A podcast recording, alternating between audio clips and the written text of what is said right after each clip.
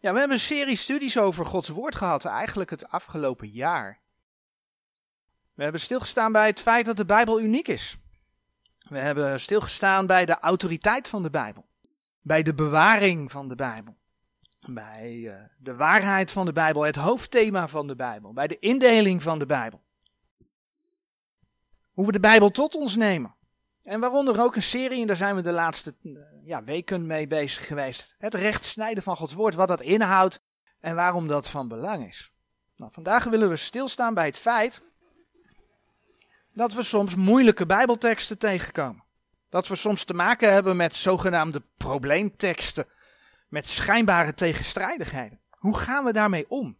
Nou, zoals gezegd hebben we soms te maken met moeilijke Bijbelteksten. Soms kom je informatie in een Bijbelvers tegen waarvan je in eerste instantie denkt dat dat helemaal geen hout lijkt te snijden. Het lijkt niet zinvol te zijn. En soms zelfs dat het niet lijkt te kloppen. Wat moet je met zo'n tekst? Soms kom je een zogenaamde probleemtekst tegen. Dat is een tekst die gewoonweg andere informatie geeft dan een andere tekst in Gods woord, dan een ander vers. Wat moet je daarmee? En dan heb je nog de zogenaamde tegengestelde versen. Je vindt twee teksten die ja, het tegengestelde van elkaar lijken te zeggen. En dan rijst al snel de vraag: hoe kan dat?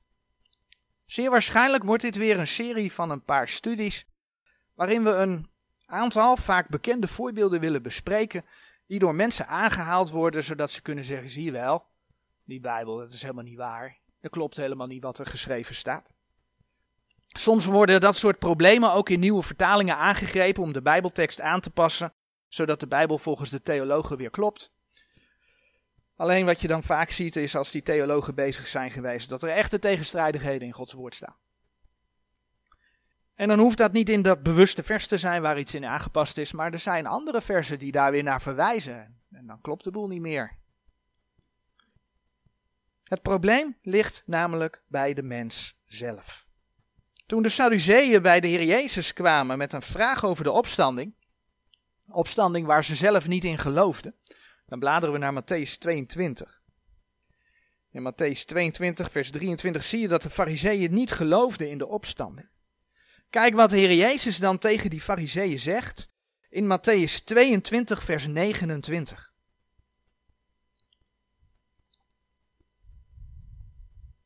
Jezus zegt tegen de Sadduceeën in vers 29, maar Jezus antwoordde en zeide tot hen, gij dwaalt, niet wetende de schriften, noch de kracht gods. Dan moet je je voorstellen, dan staan daar de schriftgeleerden, hè? De schriftgeleerden staan daar. En de Heer Jezus zegt, gij dwaalt, niet wetende de schriften, noch de kracht Gods. Het probleem ligt bij de mens die Gods woorden niet genoeg kent, of niet wil kennen. Ze geloofden niet in de opstanding, als het om de Sadduceeën ging. Maar dat kom je vandaag de dag ook tegen. Ze kennen het niet en dan gaan ze het aanpassen naar de eigen inzichten. Dan bladeren we naar Romeinen 3, vers 4. En in Romeinen 3, vers 4, daar lezen we: Doch God zij waarachtig, maar alle mens leugenachtig. Gelijk als geschreven is, opdat gij gerechtvaardigd wordt in uw woorden en overwint wanneer gij oordeelt. De Heere God noemt alle, niet, niet, niet sommigen. De Heere God zegt dat alle mens leugenachtig is. En dat hij zelf waarachtig is. Nou, we hebben gezien hoe de profetieën in Gods woord, hoe die allemaal gewoon letterlijk zijn uitgekomen profetie over de eerste komst van de Heer Jezus. Het is gebeurd. God heeft zijn woord bewezen. Gods woord is de waarheid. Dus bij zogenaamde moeilijkheden moeten we niet de Bijbeltekst gaan aanpassen, maar in Gods woord op zoek gaan, om wijsheid en inzicht bidden. En als we er dan nog niet uitkomen, dan moeten we het soms een tijdje laten rusten. Dan gaan we ervan uit dat wij zelf tekort komen omdat de Heere beloofd heeft zijn woorden te bewaren. Dan moeten we even genoegen meenemen dat we even geen antwoord hebben. Maar dat woord is het woord.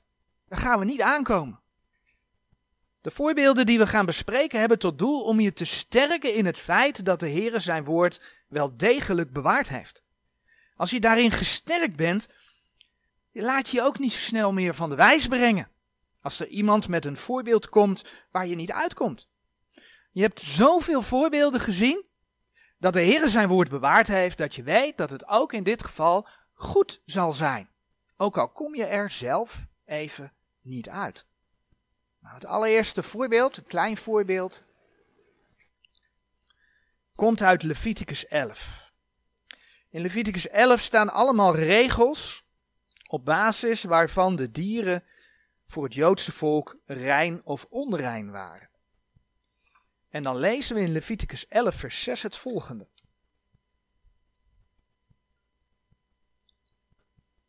En de haas, want hij herkauwt wel, maar verdeelt de klauw niet. Die zal u onrein zijn. Nou, het gaat er nu even helemaal niet om de vraag waarom de haas een onrein dier is. Maar in dit geval gaat het er nu even om dat er geschreven staat dat de haas herkauwt. Lange tijd is die tekst reden geweest om bijvoorbeeld, uh, ik heb daar wat over gelezen, christenstudenten aan de universiteit uit te lachen. Hahaha, een haas herkauwt. Een haas zou niet herkauwen. Van een koe, een schaap, een kameel of een hert was bekend dat ze hun voedsel herkauwen. Maar een haas, nee, een haas niet. Zie je wel, die Bijbel die klopt helemaal niet. Want er staat dat een haas herkauwt. Totdat er onder andere in 1954 een onderzoek gedaan werd naar de haas. En wat bleek? De haas eet regelmatig een deel van zijn eigen uitwerpsel op. En daarmee koudt en verteert het zijn eten wel degelijk een tweede keer.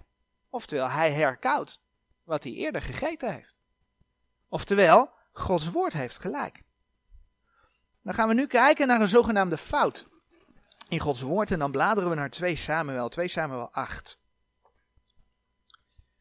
Eigenlijk een van de zogenaamde probleemteksten, omdat er in het ene vers dit en in het andere vers dat staat.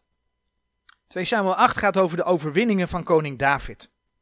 En dan lezen we in 2 Samuel 8 vers 4 het volgende. En David nam hem duizend wagens af en zevenhonderd ruiters en twintigduizend man te voet. En David ontzenuwde alle wagenpaarden en hield daarvan honderd wagens over. Nou, dezelfde geschiedenis die wordt beschreven in, en ik zou zeggen hou de hand bij 2 Samuel, in 1 Kronieken 18. En jawel, ook vers 4. 1 Kronieken 18 vers 4. Maar daar staat het volgende geschreven. En David nam hem duizend wagens af en zevenduizend ruiters en twintigduizend man te voet. En David ontzenuwde al de wagenpaarden, doch hij behield honderd wagens daarvan overig. 2 Samuel spreekt over 700 ruiters en 1 Kronieken spreekt over 7000 ruiters. Dat is een groot verschil. En veel studiebijbels spreken dan over een zeer waarschijnlijke overschrijffout omdat de leestekens voor 700 en 7000 erg op elkaar zouden lijken. En vaak wordt dan ook nog de opmerking gemaakt dat het getal van 7000 veel waarschijnlijker is. Maar de vraag is, kan de Heere God zijn woord niet bewaren dan? Nieuwe vertalingen doen hier overigens weinig mee. soms zie je dat, uh, dat ze de Heere God het zogenaamd te hulp willen schieten, de Heere God uit, uh, uit de problemen willen helpen en dan dat getal aanpassen zodat die twee versen wel kloppen. Dat gebeurt in dit geval niet. Tenminste, wat soms wel gebeurt is dat ze die getallen bij elkaar optellen. Bijvoorbeeld in de, in de NBV, de nieuw bedorven versie, de nieuwe Bijbelvertaling. Daar staat, David nam 1700 wagenmenners en 20.000 man voetvolk gevangen. De strijdwagens schakelde hij uit door van alle paarden op 100 span na de pezen door te laten snijden. Dus die 700 en die, die, uh, die 1000, die zijn bij elkaar opgeteld tot 1700. Maar dan blijft dus dat verschil met 1 Kronieken 18 blijft gewoon staan. Waarom uh, hebben ze dit dan gedaan? Omdat in 2 Samuel 8 het Hebreeuwse woordje voor wagen mist. En dan zeggen ze, nou, dan tellen we die getallen bij elkaar op, want dan gaat het allemaal om wagenmenners. Terwijl 1 Kronieken 18 vers 4 laat zien dat het wel degelijk ook om wagens gaat. Dus de Statenbijbel is daar helemaal niet fout mee om dat apart te laten staan. Maar is dit dan een fout in Gods woord? Is dat een overschrijffout of is er een andere verklaring voor? Nou, ik geloof dat de Heer zijn woord bewaard heeft en dat er dus een andere verklaring voor is. Waarom zou er in 2 Samuel 8 vers 4 sprake zijn van duizend wagens en 700 ruiters? En ik ga nu dingen noemen die niet echt geschreven staan. Maar het laat wel zien dat, eh, dat je op een andere manier met de Bijbeltekst kunt omgaan, zodat je de Bijbeltekst gewoon kunt laten staan. Ons wordt geleerd dat als teksten niet overeenkomen, dat we aan de tekst moeten twijfelen. Maar nee, die tekst is ons gegeven. Gods woord is waar. Waarom zou er sprake zijn van duizend wagens en 700 ruiters? Omdat er 700 wagens in de strijd waren. En misschien wel 300 reserven, zodat als een wagen zou eh, kapot raken, dat die vervangen kon worden. Ik noem maar een voorbeeld. Waarom zou 1 Kronieken 18 vers 4 dan spreken over 7000 ruiters? Omdat er in de strijd misschien 10 ruiters per wagen beschikbaar waren. Zodat gesneuvelden in de strijd vervangen zouden kunnen worden. Of omdat er meerdere ruiters op één wagen zaten, waardoor er één de hoofdtaak had om die wagen te, te besturen. Ik noem maar voorbeelden. De 700 ruiters kunnen heel goed de, uh, degene zijn die direct aan de strijd deelgenomen hebben. En dat is dan wat 2 Samuel 8 vers 4 vertelt. Terwijl de 7000 ruiters het totaal aantal beschikbare ruiters was, dus inclusieve reserve. Waarom denken mensen meteen aan een overschrijffout? Omdat het ons geleerd is om zo te denken. Maar met de boven beschreven voorbeelden kun je gewoon zien dat je de tekst kunt laten staan.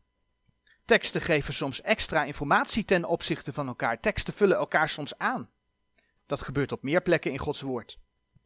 Een soortgelijke situatie vinden we in Gods woord als het gaat om het aantal wagens en het aantal stallen.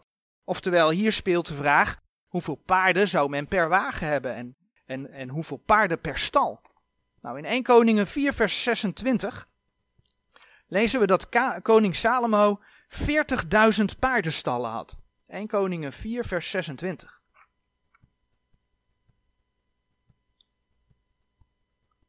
En in 1 Koningen 4, vers 26 lezen we: Salomo had ook 40.000 paardenstallen tot zijn wagens en 12.000 ruiters. Nu is de vraag: hoeveel wagens zou Salomo gehad hebben? Nou, in 1 Koningen 10, vers 26 staat dat, dat er in ieder geval 1400 geweest zijn. 1 Koningen 10, vers uh, eh, 26. Daartoe vergaderde Salomo wagens en ruiters. En hij had duizend en vierhonderd wagens en twaalfduizend ruiters. En legde ze in de wagensteden en bij de koning in Jeruzalem. Nu zouden die wagens, en dan bladeren we door naar 2 Kronieken 9 vers 25, er ook 4000 geworden kunnen zijn. Of dat zo is, weet ik niet. Maar in 2 Kronieken 9 vers 25 lezen we.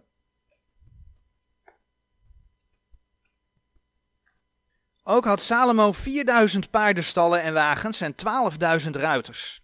En hij legde ze in de wagensteden en bij de koning te Jeruzalem. Nou, die 4000, die zou niet alleen voor de paardenstallen kunnen gelden in dit vers, maar ook voor de wagens. Maar dat hoeft niet. Als je dan op basis van 1 Koningen 4 vers 26 de 40.000 paardenstallen aanhoudt, dan betekent dat er 10 tot ongeveer 30, 30, sorry, 30 paarden per wagen waren. Nou, in de strijd gaan paarden verloren, dus je hebt reserve nodig. Nu staat er in 2 Kronieken 9 vers 25 dat er 4000 paardenstallen waren. Dat is wat anders dan die 40.000. Dus weer zo'n verschil. Maar in dit vers lees je ook dat er verschillende wagensteden zijn. Met andere woorden, om zoveel wagens en paardenruimte te hebben, heb je steden nodig. Dat betekent dus dat je verschillende gebouwen hebt. Nu heb ik zelf op het Lo in Apeldoorn wel eens bij de koninklijke paardenstallen gekeken. En dan heb je verschillende gebouwen, maar in elk gebouw zitten afzonderlijk per paard weer paardenstallen. Oftewel, Salomo had 4000 stallen met plek voor 10 individuele paarden. En dan kom je dus zowel op die aantal van 4000 als op het aantal van 40.000 individuele paardenstallen terecht. En zo zie je dus dat er bij verschillen helemaal geen sprake van overschrijffouten is. Er is gewoon een andere verklaring voor. Een verklaring in Gods woord. Alleen de vraag is, hoe ga je om met Gods woord? Ga je als eerste denken, oh het zal wel een overschrijffout zijn? Of ga je denken, hé, hey, er is een verschil, waar zou dat in zitten? Nou, de Heer heeft gezegd, De Heer heeft gezegd dat hij zijn woord zou bewaren. En hij zegt ook in 2 Petrus 1 vers 19 dat zijn woord zeer vast is. En daarom is het voor bijbelstudie aan te raden om de Heer met een menselijk gezegde, in alle gevallen het voordeel van de twijfel te geven.